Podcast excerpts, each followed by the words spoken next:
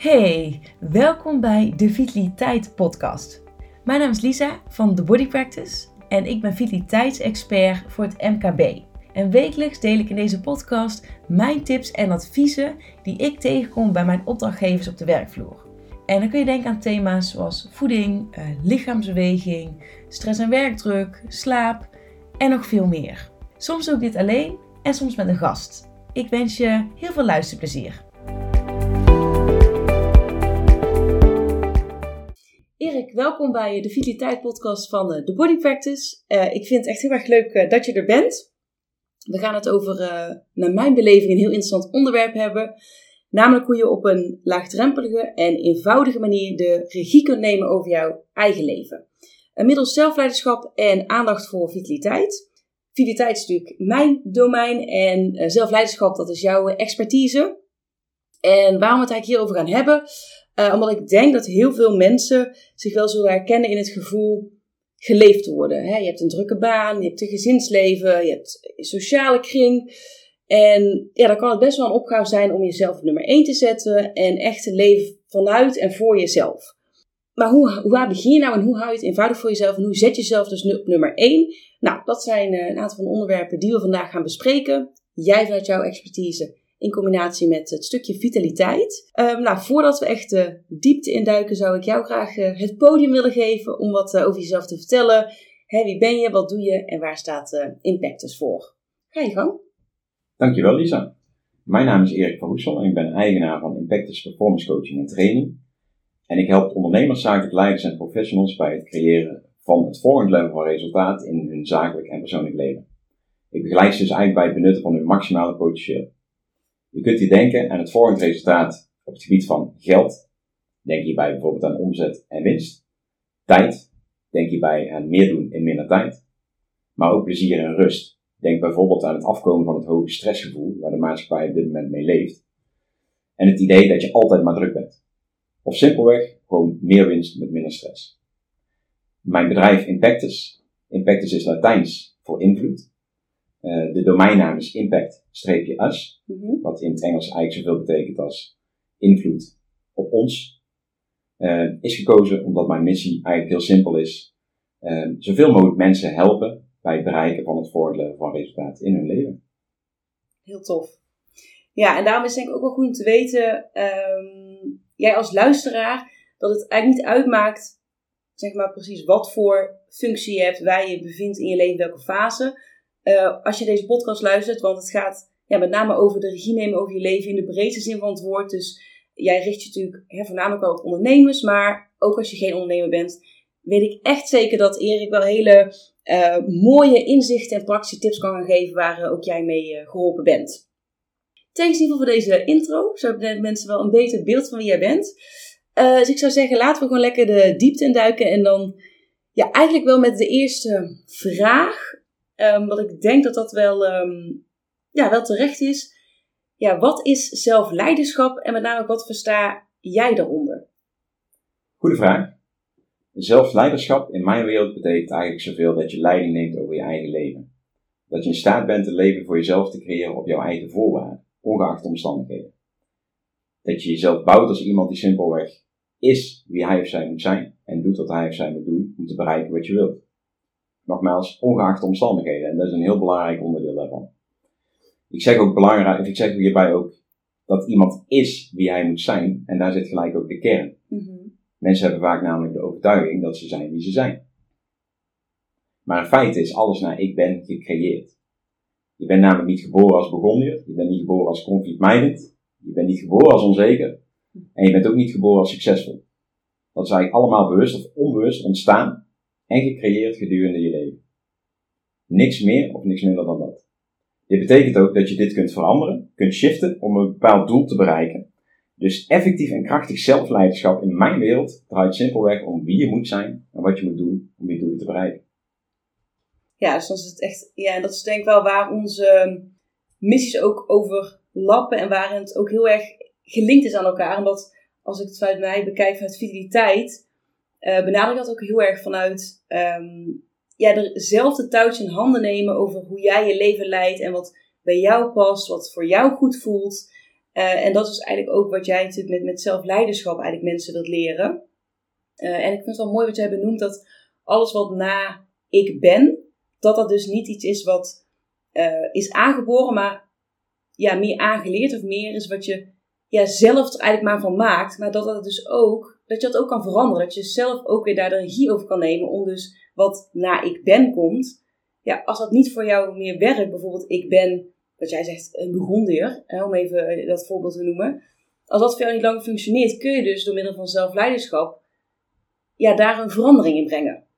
Klopt. Op het moment dat je beseft dat uh, een identiteit geen vast gegeven is, ja.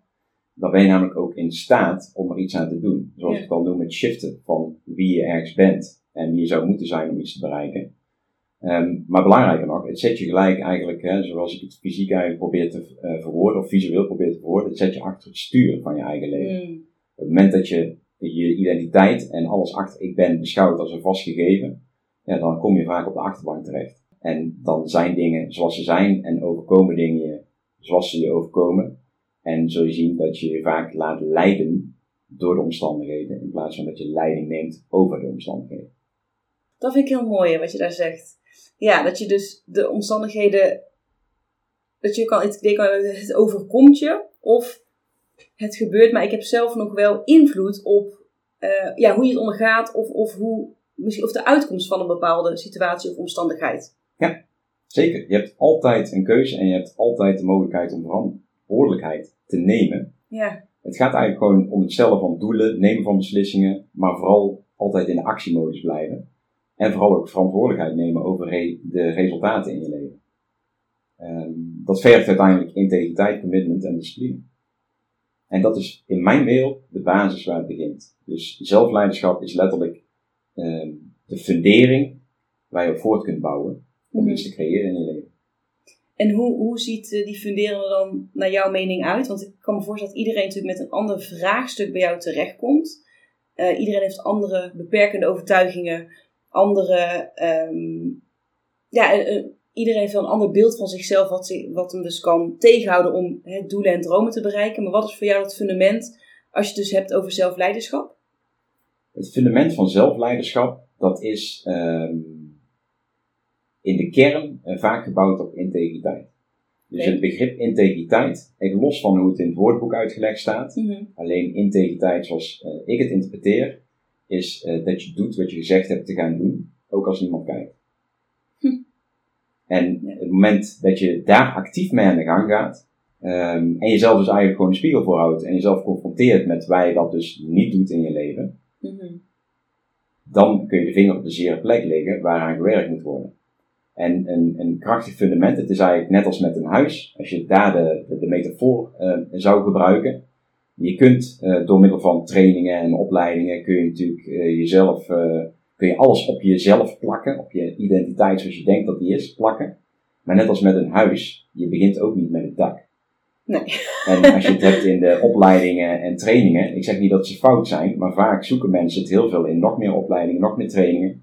En dat is eigenlijk bij een huis uit 1900 uh, een mooi nieuw behangetje en stukken en, en schilderen en, en alles wat je daar kunt doen. Mm -hmm. Terwijl de fundering niet goed is. Nee. Dus zelfleiderschap gebruik als een fundering waar, van waar, waar vandaan je opereert in de wereld, um, is, is gewoon de kern. Als je dat krachtig wegzet, dan is er eigenlijk niks in je leven wat je niet aan kunt. Waar je niet mee kunt dealen. Ja. Nogmaals, hè, het leven uh, uh, is omstandigheden. Punt. Alleen maar. Precies.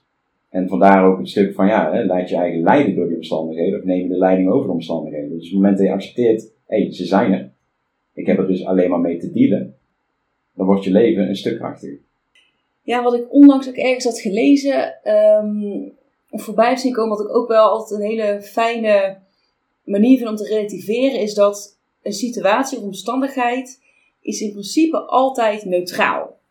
Alleen de manier waarop, zeg maar, de, met het, het, filter waarmee wij er naar kijken, of zeg vanuit de zonnebril eigenlijk die je op hebt, waar je naar kijkt, dat maakt een omstandigheid positief of negatief. Maar in principe is alles neutraal.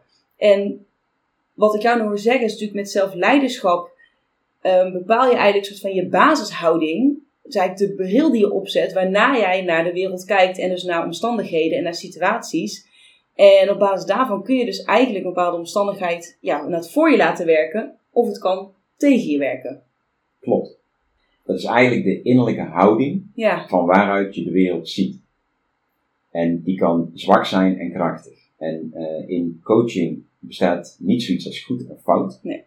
Maar zwak of krachtig betekent hier eigenlijk eh, zoiets als niet werkbaar of werkbaar. Oftewel, is de houding van waaruit je de wereld intreedt, van waaruit je de wereld ziet, is die werkbaar voor je of niet werkbaar? En werkbaar is, hé, het draagt direct bij aan de doelen die ik heb. En niet werkbaar, ja, het draagt gewoon simpelweg niet bij aan de doelen die ik heb.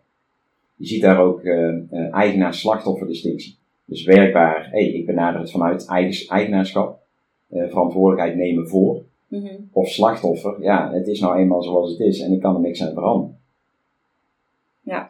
En stel je voor als iemand een zoiets heeft van oké, zelfleiderschap op basis van wat je nu hebt verteld, van ja, goh, dat, dat klinkt eigenlijk wel als iets waar ik mee aan de slag wil of waar ik om die switch te maken van bijvoorbeeld alleen maar kennis tot je nemen, cursussen volgen, boeken lezen, weet je, dat, dat kan allemaal, maar als je het niet omzet in, in actie, heb je er helemaal geen zak aan, om even zo te zeggen. Maar stel je voor iemand die heeft nu zoiets van oké, ik wil starten met le- zelfleiderschap, waar begin je dan? Ik zou zeggen, allereerst met het stoppen van lezen van nog meer boeken en het bezoeken van nog meer opleidingen en trainingen. Ja. Ehm, ik noem dat wel eens een low information diet. Mhm. Het is namelijk zo, het moment dat je eh, alleen al zou beginnen met het implementeren van dat wat je al lang weet, Mhm. dan, dan gaat je resultaat door het dak. En dat klinkt heel simpel, maar het is dus niet eenvoudig. Mensen lopen daarop vast. En dat heeft eigenlijk alles te maken met eh, hoe we gebouwd zijn. Ehm, en met name het interne werelddialoog wat er in ons afspeelt. En het interne werelddialoog is eigenlijk niks anders dan een gesprek wat je voert met jezelf. Mhm. Ehm, vaak zijn mensen er niet bewust van dat het er is. En op het moment dat ik met mensen hier training over geef of eh, de, de coaching zeg maar eh, op dit onderwerp uh, belandt.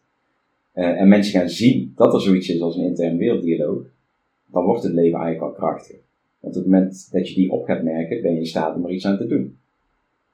Een simpel voorbeeld, voorbeeld daarin is ehm, bijvoorbeeld, je hebt een doel, het kader van vitaliteit, je wil afvallen. Ja. Eh, er zijn er genoeg eh, die dat soort doelen eh, ergens in hun leven hebben. Er zijn er relatief weinig die daadwerkelijk daar ook de resultaten behalen die ze willen behalen. Ehm, maar stel, je hebt dat doel en je hebt bedacht dat het goed voor je zou kunnen werken om drie keer per week om vijf uur op te staan en hard te gaan lopen. Mhm. Op zondagavond is dat een fantastisch idee. Op maandagochtend word je wakker. Nee, word je wakker. De wekker gaat om vijf uur, moet ik zeggen. En ineens is dat idee een stuk minder. En eh, op dat moment start jouw interne werelddialoog. De wekker gaat en het eerste wat je waarschijnlijk denkt is: oh shit, dat is eigenlijk wel heel vroeg dit. Mhm. Hmm, gisteravond te laat naar bed gegaan. Ehm, of simpelweg, ah, niet vandaag, morgen. Maar morgen is codetaal van nooit.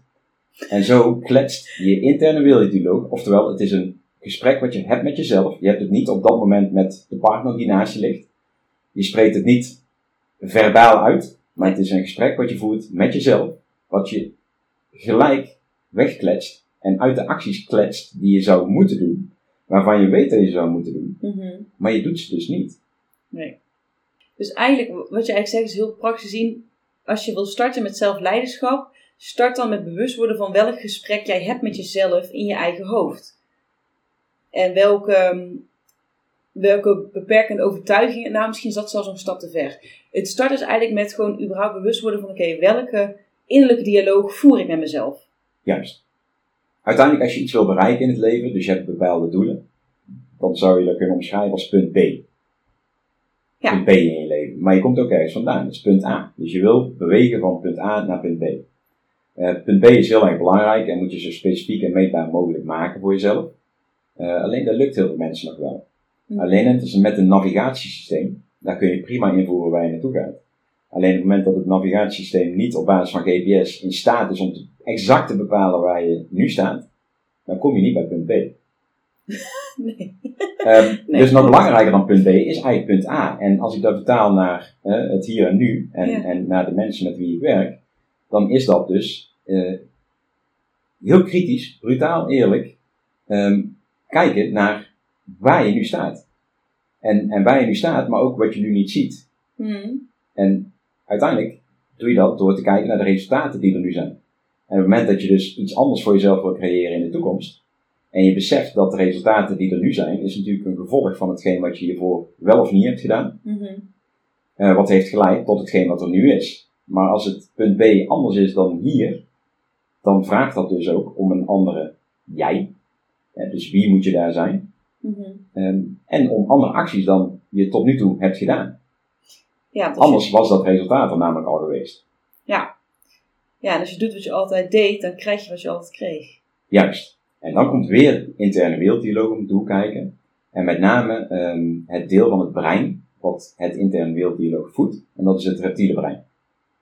Het reptiele brein, ik heb het al eerder in een podcast bij jou gehoord, onder andere bij eh, Rins Parnay. Ja. Ehm, het reptiele brein is eigenlijk eh, zoiets als het oudste deel van het menselijk brein. En het draait eigenlijk om twee dingen.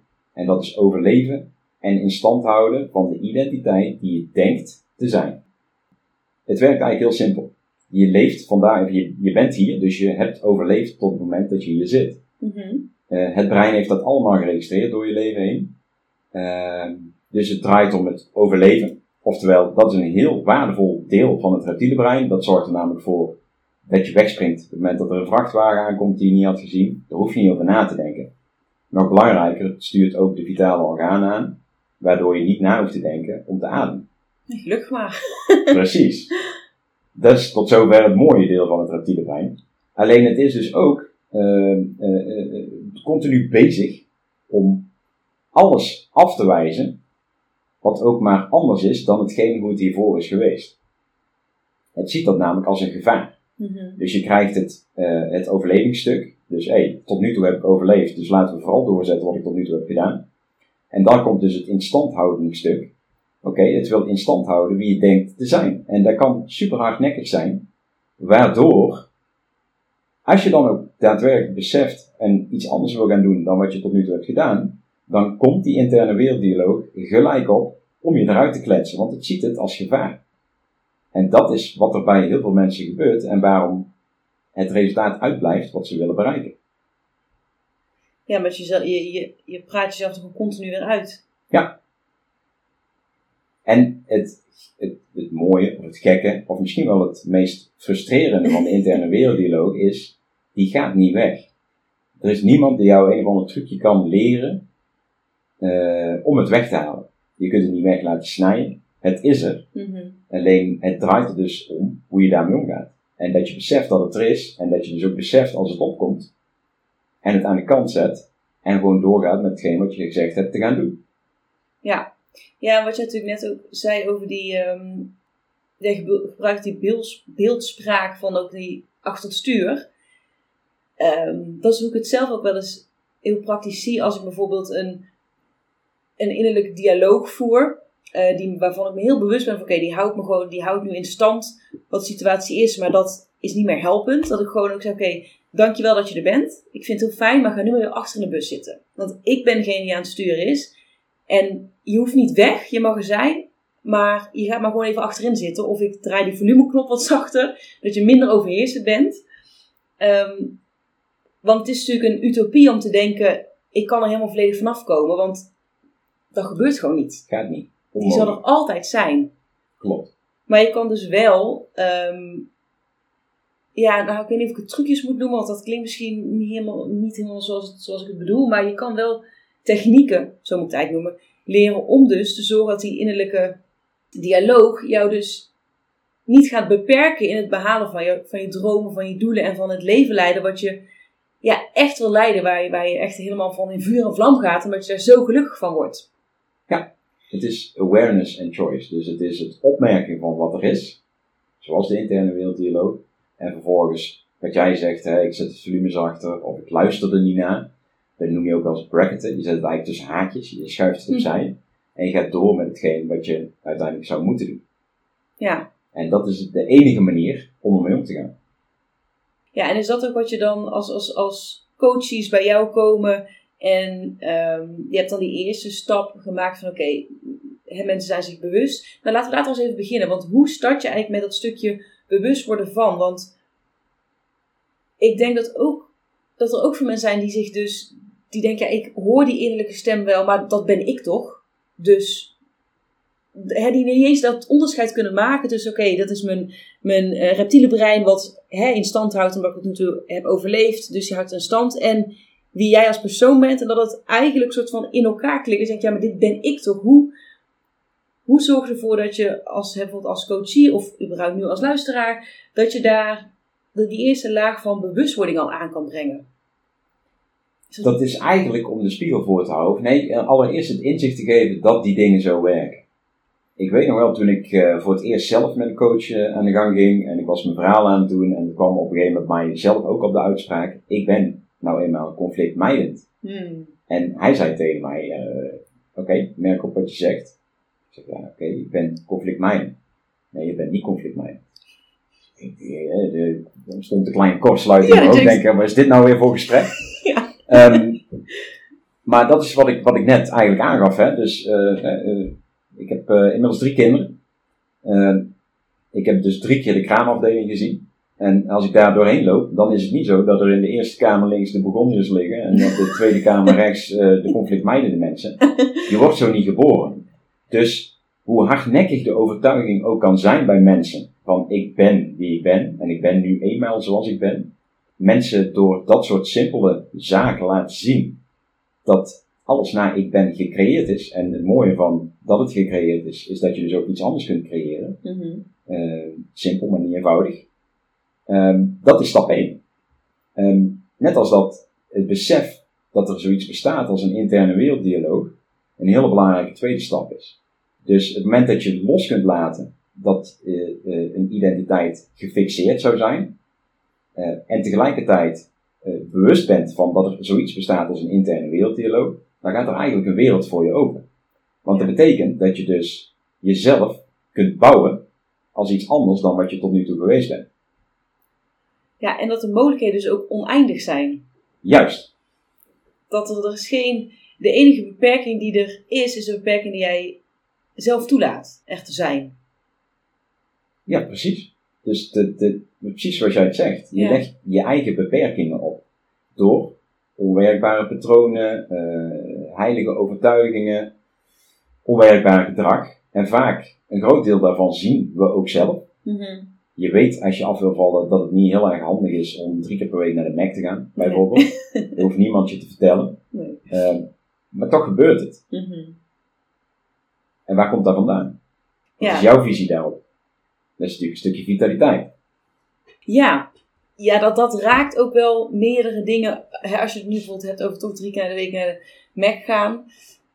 Daar zit ook heel erg dat bepaald gedrag Kijk, we, vertonen natuurlijk allemaal bepaald gedrag. En jou, en dit raakt ook wel heel erg wat jij ook net vertelt over het reptiele brein. Is dat natuurlijk um, ons lichaam wil het liefst zo snel mogelijk van een bepaald gedrag een gewoonte maken. Want op het moment dat het een gewoonte is, kost het uh, de minste weerstand, minste energie. En wij zijn van nature energie, energiebesparende wezens. Want je wil eigenlijk altijd wat energie in de tank hebben voor het geval je in een levensbedreigende situatie terechtkomt. Nou, dat was eerder heel handig als je nog oog in oog kon komen te staan met een wild dier. Nou. Die kans is tegenwoordig niet zo groot. Relatief klein. Ja, in ieder geval wel in de samenleving zoals wij die, waar wij nu naar werken. En dan zou je misschien een wild, een gevaarlijk dier, dat kan dan ook bijvoorbeeld inderdaad wat zij net zei, een vrachtwagen zijn die ineens uit het niets op komt. Maar als je dat dus linkt aan dat gedrag, ja kijk, als jij jarenlang drie keer per week naar de Mac bent geweest, is dat gewoon voor jou de meest, de weg van de minste weerstand. Dus ga om dan los van zeg maar dat jij rationeel weet, het is niet zo gezond voor me, heb je eerst daardoor heen te werken van oké, maar dat is gewoon de weg van de minste, de minste weerstand. En die neem ik, dan kan ik zeg maar bewijzen van met mijn ogen dicht, kan ik naar de Mac toe rijden, want dat heb ik al zo vaak gedaan. En daar zit dus ook weer dat stukje bewustwording van oké, dit is dus wat mijn lijf gewend is en waarom ik daar dus continu voor kies. En wat ik heel erg zie wat werkt, is dat Kijk, mensen denken heel vaak in hele. Als je het bijvoorbeeld hebt over een doel van ik wil 5 kilo afvallen. Dan denken ze, oké, dan moet ik en drie keer per week naar de sportschool. En ik, moet, um, ik mag nooit meer snoepen. Eh, en ik moet heel veel water drinken. En weet je, dus er komt zo'n rits aan allemaal moedjes. En het voelt dan zo groot. En zo groot. En er zijn zoveel dingen die moeten. Nou, dan ben je eigenlijk instant alweer eruit aan het lullen. Want ja, dan zegt je brein ook, ja, maar hoes even. Dat gaan we dus allemaal niet doen. Dat is allemaal veel te veel en te groot en nieuw. En als jij het hebt over drie keer de Mac gaan, dan zou ik als eerste aanraken, ik zou niet zeggen, oké, ga helemaal niet meer. Ik zou zeggen, oké, ga maar eens twee keer in de week. Het is een beetje gek om dat als vitaliteitsexpert te zeggen, maar om gewoon de, je wil zeg maar die, die, die drempel zo laag mogelijk maken, om ervoor te zorgen dat die innerlijke dialoog ehm, je er niet gelijk uitpraat. En stel je eens voor als jij dus dat op een maand gezien zijn voor een maand en vier weken, je gaat drie per week, nou dat zou dan twaalf zijn. Als je daar dus al vier keer ervan afhaalt en voor die vier keer ga je bijvoorbeeld een maaltijd eten die bestaat uit uh, groenten, um, goede bron van eiwitten. Als je dat al vier keer, vier keer per maand kan winnen, heeft dat al een impact op je fysieke gezondheid. Het heeft een impact op, jou, op je mentale gezondheid, omdat je denkt, ja maar hoe eens even, ik ben gewoon al in staat om vier keer per, maand die gezonde keuze te maken. Dat, dat, dat spoort ook dat, dat overwinningsgevoel aan, wat het juist weer, elke van die kleine wins, support ook weer dat je dan, dat het ook doorzet. Want je, ja, je voelt je elke keer weer goed over jezelf. En dan ben je heel klein begonnen en je gaat nog steeds gewoon twee keer in de week naar de Mac. Dus je hebt nog steeds dat gedrag wat je ook alweer voldoening geeft. En dan zou ik zeggen, dan kun je vanuit daar het steeds verder uitbouwen. En dat heeft misschien wat langer de tijd nodig, maar ja, wat maakt het uit? Ik bedoel, je hebt alle tijd toch in principe? Ligt uiteraard aan het doel. Uh, Zeker. En, en, en de urgentie achter het doel. Ja, maar ik ben wel van mening dat alles in één keer helemaal omgooien, dan ga je vroeg of laat, zeker als je het alleen moet doen, ga je vroeg of laat wel tegen zo'n grote blokkade aanlopen, dat je uiteindelijk waarschijnlijk of weer naar terugvalt of weer een paar stappen terug en dan denkt, ja, laat ook maar. Ja, mee eens. In ieder geval deels ook mee eens. Alleen een groot deel van wat daar gebeurt bij zo iemand speelt zich af in het hoofd. Want het is de interne dialoog die het moeilijk maakt. In het hoofd is, is geen werkelijkheid, is geen realiteit, is fantasie. Dus realiteit is waar de stenen hard zijn, het water nat. En dat is ook waar de resultaten gecreëerd kunnen worden. Um, dus afhankelijk van de urgentie, dat is natuurlijk de mhm. context waar, waar iets zich in bevindt, ja. uh, ben je ook in staat om gewoon drastische uh, veranderingen te maken. Dingen compleet anders te doen dan hoe je het uh, tot nu toe hebt gedaan, als de urgentie groot genoeg is. Of als je het doel belangrijk genoeg maakt. Alleen daar zit gelijk ook de crux. Mm -hmm. Op het moment dat je bij wijze van spreken voor jezelf hebt gesteld dat je graag 5 kilo zou willen afvallen, dan gebeurt er al iets heel anders in je hoofd dan wanneer je voor jezelf hebt bepaald, ik moet 5 kilo afvallen. Dan zijn er natuurlijk ook een hoop mensen die moeten. Dat schiet al gelijk in een, in een allergiezone. Die, die hebben een allergie tegen moeten. denk waarom? Maar goed. Uh, maak dan van die moeten een kiezen. Mm -hmm. Alleen je wil af, althans, zo zie ik het, je wil af van het willen. Want iets heel graag willen wat er niet is, dat benadrukt eigenlijk voor jezelf dat het er niet is. En dat maakt je uiteindelijk alleen maar ongelukkig. Dus op het moment dat je van een willen een moeten maakt, mm -hmm. ja, we doen gewoon simpelweg de dingen die we moeten. We doen vaak niet de dingen die we willen. Mm. Althans, een stuk minder. Dus je leven wordt eigenlijk ook een stuk makkelijker wanneer je daar krachtiger beslissingen in maakt. Wanneer je ook dingen anders voor jezelf uitspreekt. Want ja, als je blijft zitten in dat willen, hopen, wensen, dan is de kans dat het resultaat bereikt wordt gewoon een stuk kleiner. Ja, want je dan komt in dat grijze gebied waar het ook oké is als het nu nog niet gebeurt. Juist. En dat is ook oké, hè? Nogmaals, in coaching is ook geen goed of fout. Alleen het is werkbaar of onwerkbaar. En op het moment dat jij, uh, nou, 5 kilo, dat gaat dan een soort van over de, de, de details van het lichaam waarschijnlijk.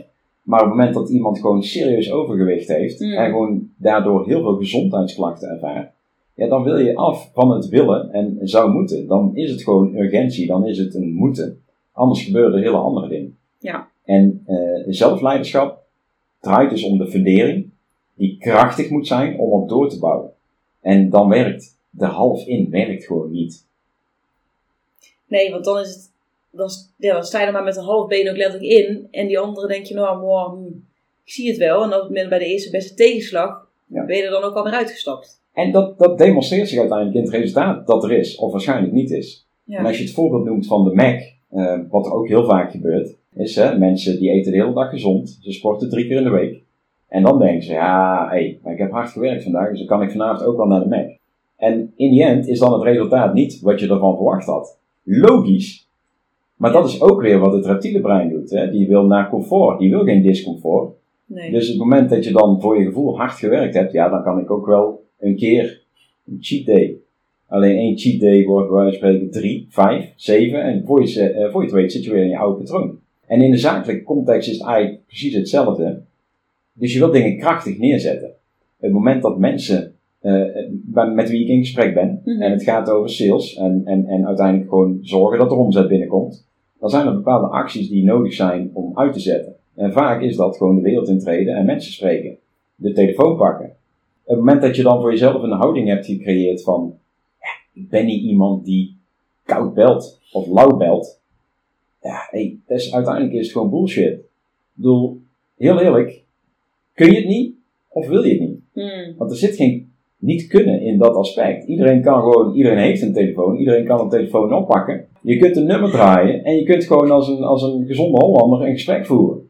Ja. Alleen, het voelt misschien niet helemaal comfortabel. Maar dat is oké. Alleen als het nodig is om een bepaald doel te bereiken, dan zul je het toch echt moeten doen. Of niet, dan komen we op het andere stuk. Ja, dan moet je opnieuw kijken naar je doel. Ja, eh, om even een andere afslag te nemen. Of na het kijken naar een manier die, die wel voor jou werkt. Maar goed, dat zit hem heel erg in. Ja, nee, je hebt, je hebt, er- je hebt in, in beginsel gewoon dingen te doen die oncomfortabel voelen. Juist. Dat is gewoon het beginsel, zeg maar. Als je wil groeien. Ja, ja precies. Er is niks mis met, eh, noem het even, en dat klinkt misschien negatief, zo bedoel ik het niet. Aan de andere kant, het is maar net hoe andere mensen het ervaren. Dus Ja. hoe je het in je interne werelddialoog ontvangt. Maar als je een middelmatig leven wil, dat is ook oké. Dat is, dat is ook weer geen goed of fout aan. Alleen op het moment dat je toch eigenlijk liever iets anders hebt dan waar je nu zit, of hoe je nu leven staat, wat je voor jezelf wel of niet hebt bereikt, ja, dan moeten er bepaalde acties ondernomen worden. En daar zit vaak, gaat dat gepaard met gevoelens van discomfort, laat ik het zo omschrijven. Dus je wil comfortabel worden met het oncomfortabele. sterker nog, ik, ik benader, of ik voor mezelf met name, benader ik altijd zo hoe oncomfortabeler het aanvoelt, hoe meer ik denk, oké, let's go. Want daar zit mijn groei. Want hoe meer, hoe oncomfortabeler ik ben, hoe meer het mij dus laat zien, oké, dit is dus iets wat, nog, wat ik nog niet ken of waar ik nog in te groeien heb. Nou, dan gaan we ervoor. Ook omdat ik natuurlijk inmiddels wel uit ervaring weet dat, zeg maar, aan, aan het eind van het oncomfortabele wacht er zoveel, ehm, zoveel goeds op me. En in, in breedste zin van het woord, want het kan, het kan van alles natuurlijk zijn. Dan ja, ik weet, ik moet hier even doorheen. Maar ik weet dat er me iets fantastisch aan de andere kant staat te wachten. Maar goed, je moet maar net inderdaad naar kijken dat je niet wegschuwt voor het oncomfortabele. Juist, als je inderdaad op zoek bent naar een bepaald resultaat. Ja. En, en misschien is een mooi voorbeeld daarin, ook gerelateerd aan vitaliteit, Mhm. de sportschool. Als, je gaat, eh, als jij een percentage zou moeten noemen eh, van alle mensen die naar de sportschool gaan, en dat is op zich al een prestatie op zich, Ja. Ehm, maar van alle mensen die naar de sportschool gaan, welk percentage komt daar om te bewegen en welk percentage komt daar om te trainen? Daadwerkelijk te trainen voor resultaat. En nu vraag je mij letterlijk voor een percentage. Ja, jouw inschatting? Oh god. Nou ja, ik denk zeker wel minder, minder dan de helft. Komt voor. Nee, is daar bezig met iets wat leidt tot resultaat. Ja, echt minder dan de helft. Ik Juist. denk dat het gros daar gewoon komt dat ze denken, ja, ik moet naar de sportschool, dus als ik mijn pasje er langs heb gehaald en ik ben er en ik doe drie keer op een apparaat een, een, een, een oefening, beweging, nou, ik ben geweest, check. Dat was één van de drie. Hey, en deze hele groep mensen gaat dan naar de sportschool. De sportschool leeft op slapende leden. Hè? Dus Ja. laten we het niet helemaal uh, wegnuanceren. Alleen, inderdaad, het resultaat wat er echt gecreëerd wordt, is eigenlijk bijzonder laag. Ja. Terwijl het, het merendeel van heel die groep die daar naartoe gaat, wel komt voor resultaat. Hè? En die hebben dus het idee van, hey, ik ben drie keer geweest, ik kan naar de Mac. En Ja. dat is waar het misgaat. Ja. En dan heb je het dus, als je het hebt over trainen versus bewegen, eh, zo kun je het ook in de zakelijke context trekken. Ehm, productiviteit versus activiteit. Iedereen is tegenwoordig maar druk. Als je iemand belt, hey, hoe gaat het? Ja, ja, druk joh. Oh, Mm. cool. Ehm, Oké, interessant, maar druk waarmee? En vaak als je daarop in gaat zoomen, dat is ook wat er heel veel speelt bij de mensen met wie ik werk, dan zijn ze druk met veelal de verkeerde dingen. Met dingen die Ten niet opzichte leiden. van het doel wat ze willen bereiken. Precies, die niet leiden tot het resultaat. Nee, maar wel de dingen die comfortabel voelen. Ja. Dat is hoe het brein werkt en dat is waar we dan in verzanden. Eh, het eindeloos scrollen op LinkedIn. Terwijl je weet dat je die telefoon moet pakken om iemand te bellen. Mhm. Alleen dat voelt minder comfortabel.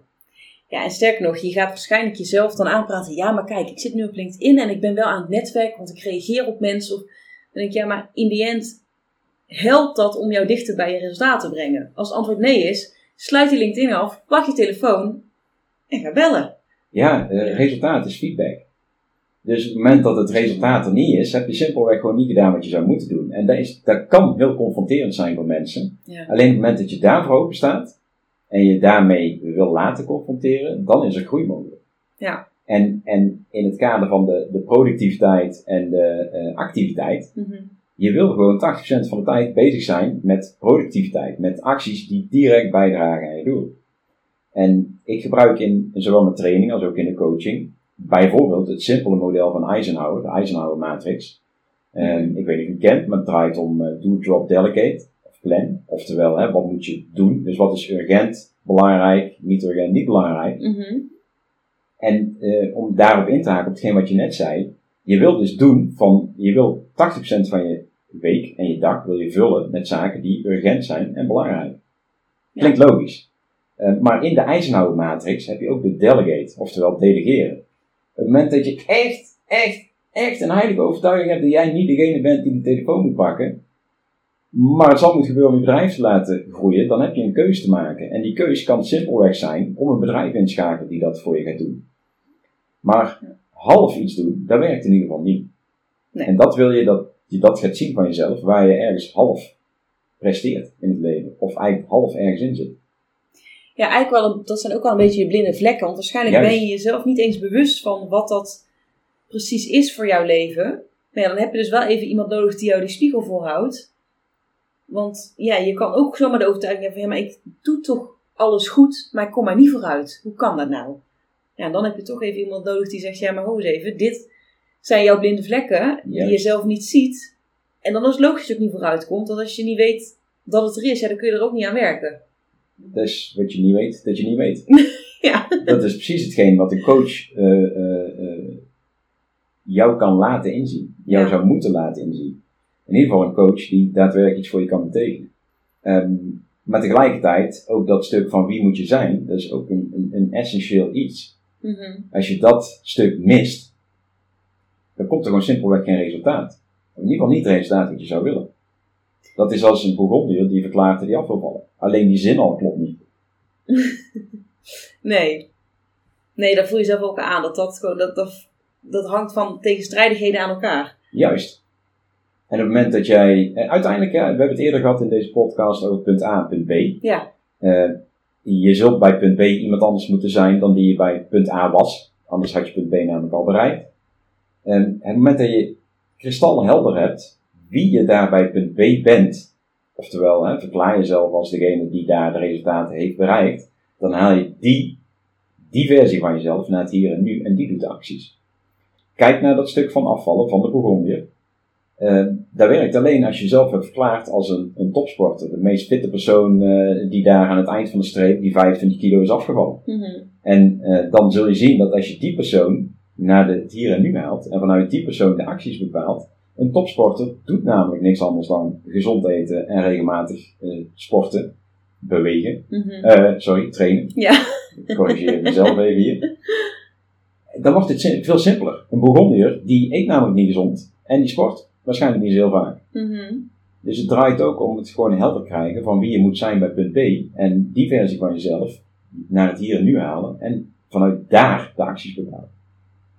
Oh, dat vind ik een hele mooie praktische tip. Want ik zat net ook al te denken, als je het hebt over jij moet punt A bepalen van wie ben ik, dacht ik, ja, hoe, hoe kun je dat dus dan bepalen? En dan kun je niet eens kijken van, oké, maar welke overtuigende beperkingen heb ik? Maar je kan natuurlijk ook kijken, wie ben ik als ik op punt B sta? En hoe ziet mijn leven er dan uit? En wat heb ik dan dus in het hier en nu te doen om ja, dichter bij die persoon te komen die ik ben op punt B. Juist. Om de simpele reden dat de persoon op punt A waarschijnlijk, uh, stel dat je aan de vooravond staat van de route die je ingeslaan bent om een bepaald uh, doel te bereiken, en je kijkt vanaf positie punt A, dan verschijnt het als een gigantische berg voor je. Hmm. Op het moment dat je kijkt naar vanaf de positie van punt B en je hebt dus eigenlijk die afstand al afgelegd, dan is het geen berg meer. Dan sta je namelijk op het puntje van de berg, als je het zo in die metafoor wilt trekken. Dus dan, dan is het niet meer iets waar je tegenop ziet, dan is het iets wat je al gedaan hebt en sta je dus gewoon een stuk krachtiger in je acties. Ja. En ben je dan ook al meen dat je, zeg maar, die berg die je voor je hebt, want in principe is die berg nog wel om die dan gewoon zoveel mogelijk ook in stukken te hakken? Ja. Gewoon zo klein mogelijk Ja. te maken, zodat je, ja, het ook wat behapbaarder wordt en je dus ook je reptiele brein minder gelegenheid geeft om je eruit te praten. Want hè, als het zo'n grote berg is, dan wil je jezelf het liefst ook eruit praten. Terwijl eh, starten met oké, ga, bijvoorbeeld, ga bijvoorbeeld eens deze week.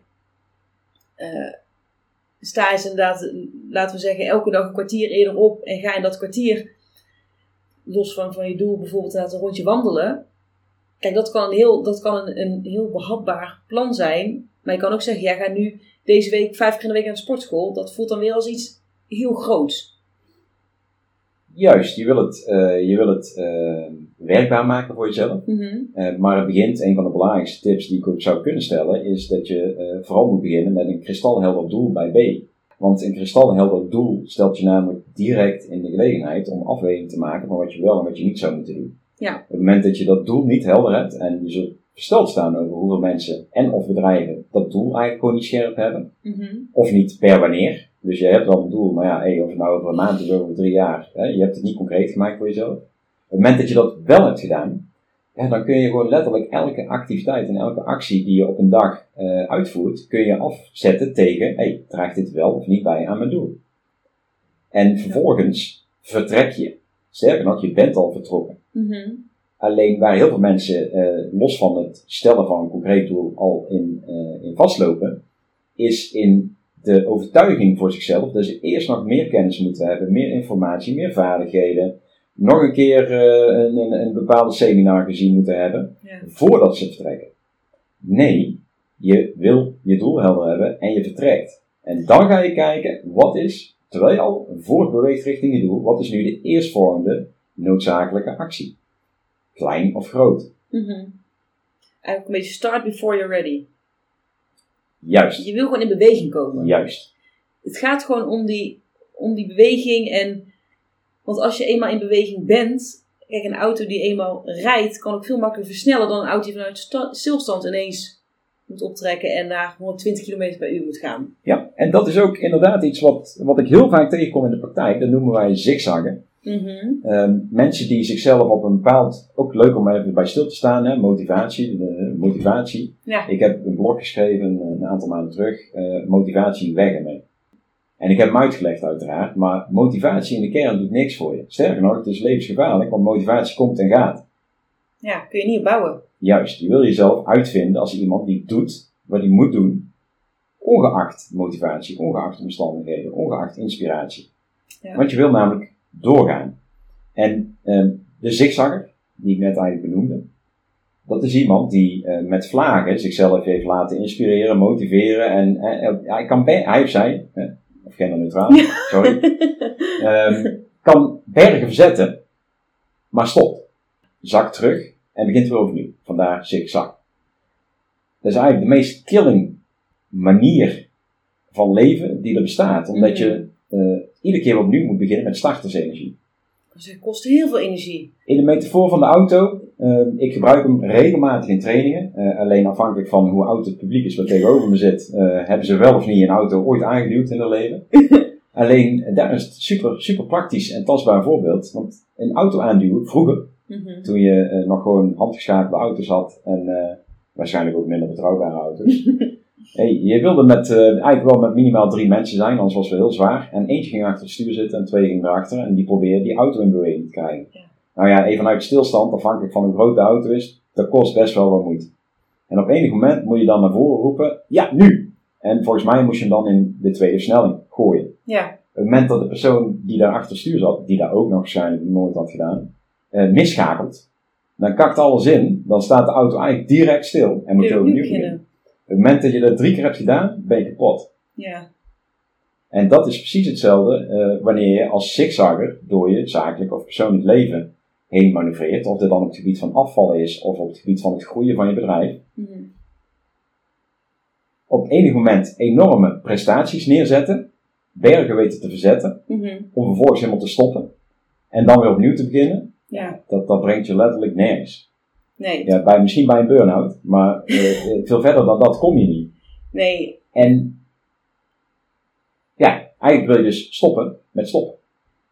Ja. Je wil gewoon zeg maar in beweging komen, die, die tractie. En, en vanuit daar.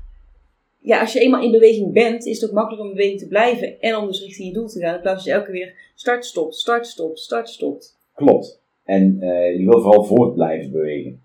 Ja. En eh, dat is dus dat stuk waar we het in het begin over gehad hadden, dealen met omstandigheden. Er komen omstandigheden op je pad en daar zul je mee moeten dealen. Ja. En eh, wat je wil voorkomen is dat je daardoor stopt.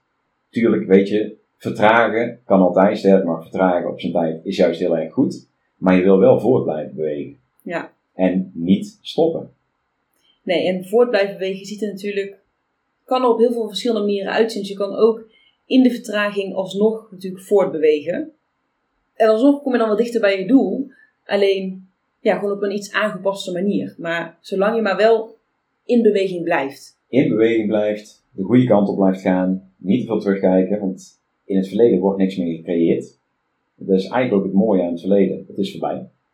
Ehm, dus je wil eh voort blijven bewegen richting je doel, nooit opgeven en gewoon dealen met wat er op je pad komt.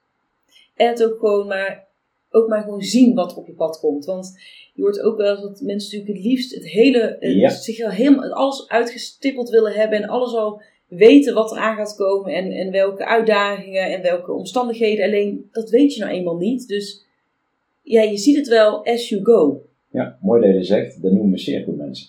Cirkelmensen? Cirkelmensen. Oké, Er zijn mensen die eigenlijk gewoon het hele traject uitgedacht willen hebben voordat ze beginnen. Ja. En heel eerlijk, je hebt het nooit helemaal uitgedacht. Oftewel, je begint nooit. Dus je blijft eigenlijk continu in een cirkeltje lopen. Ja. En je vertrekt niet. Of je blijft, als je het eh, in een metafoor wil trekken, je zit op een rotonde en je blijft erop rijden. Je blijft ik weet niet wanneer jij voor het laatst eh, drie rondjes over een rotonde hebt gereden, maar waarschijnlijk niet al te vaak. Nee, en dan kom je, ja, kom je ook helemaal niet verder. Je neemt een afslag. Je maakt een keus. Ja. En de enige slechte keus is geen keus. Actie is altijd beter dan perfectie. Een hele mooie. En misschien is dat ook wel een mooie om hem een beetje te gaan afronden.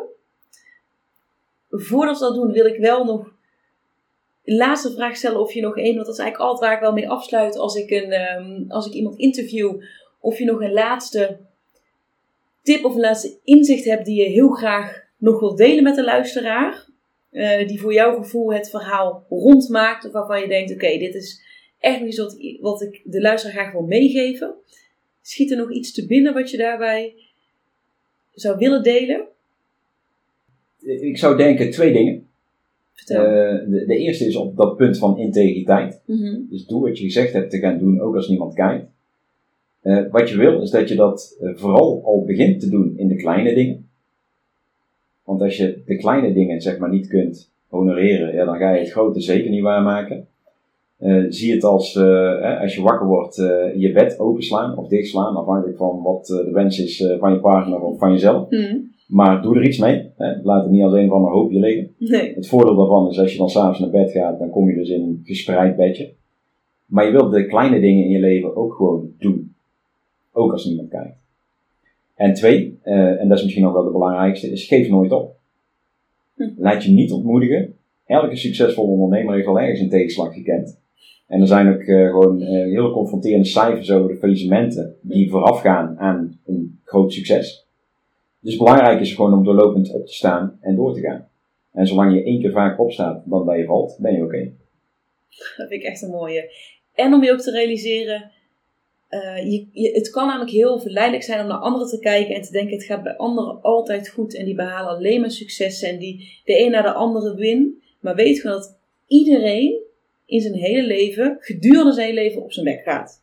Maar dus ook weer opstaat. En dat hoort er eenmaal bij en ja, daar ontkom je niet aan. En weet gewoon dat jij echt niet de enige bent die dus af en toe de deksel op zijn neus krijgt of die onderuit gaat. Want daar heeft iemand anders ook, maar iemand anders deelt het misschien niet met je, waardoor je het niet weet. Maar iedereen doorloopt wel gedurende zijn leven datzelfde proces.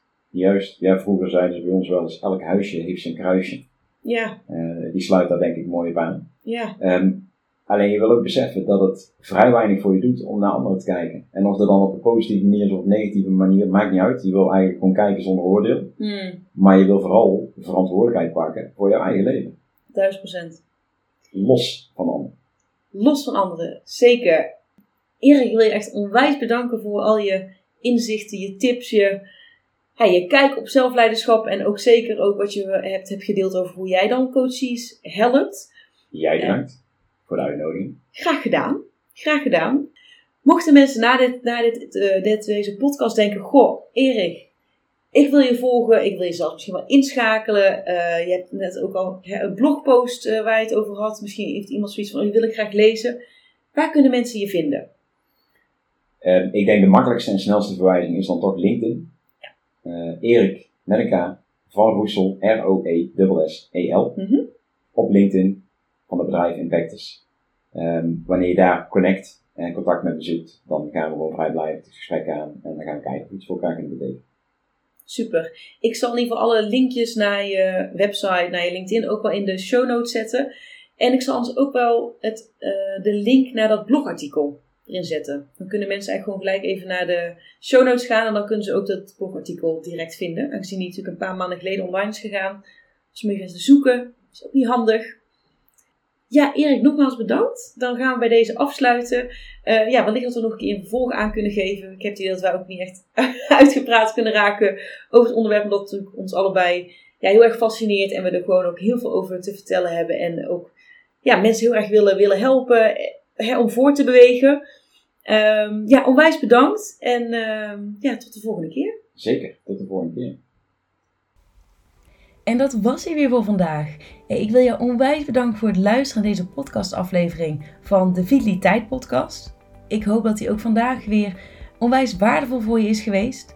En voel je je zeker vrij om deze aflevering te delen in jouw netwerk. Mocht je iemand in je netwerk hebben die hier ook profijt van kan hebben, dan wordt dat eh, zeer gewaardeerd. En ik zou het ook onwijs leuk vinden als jij een beoordeling achterlaat op Spotify of op Apple Podcast. Vind ik alleen maar heel erg leuk om te zien. Nou, ik hoop dat jij de volgende keer weer bij bent. En voor eh, nu wil ik je in ieder geval nog een hele fijne dag wensen.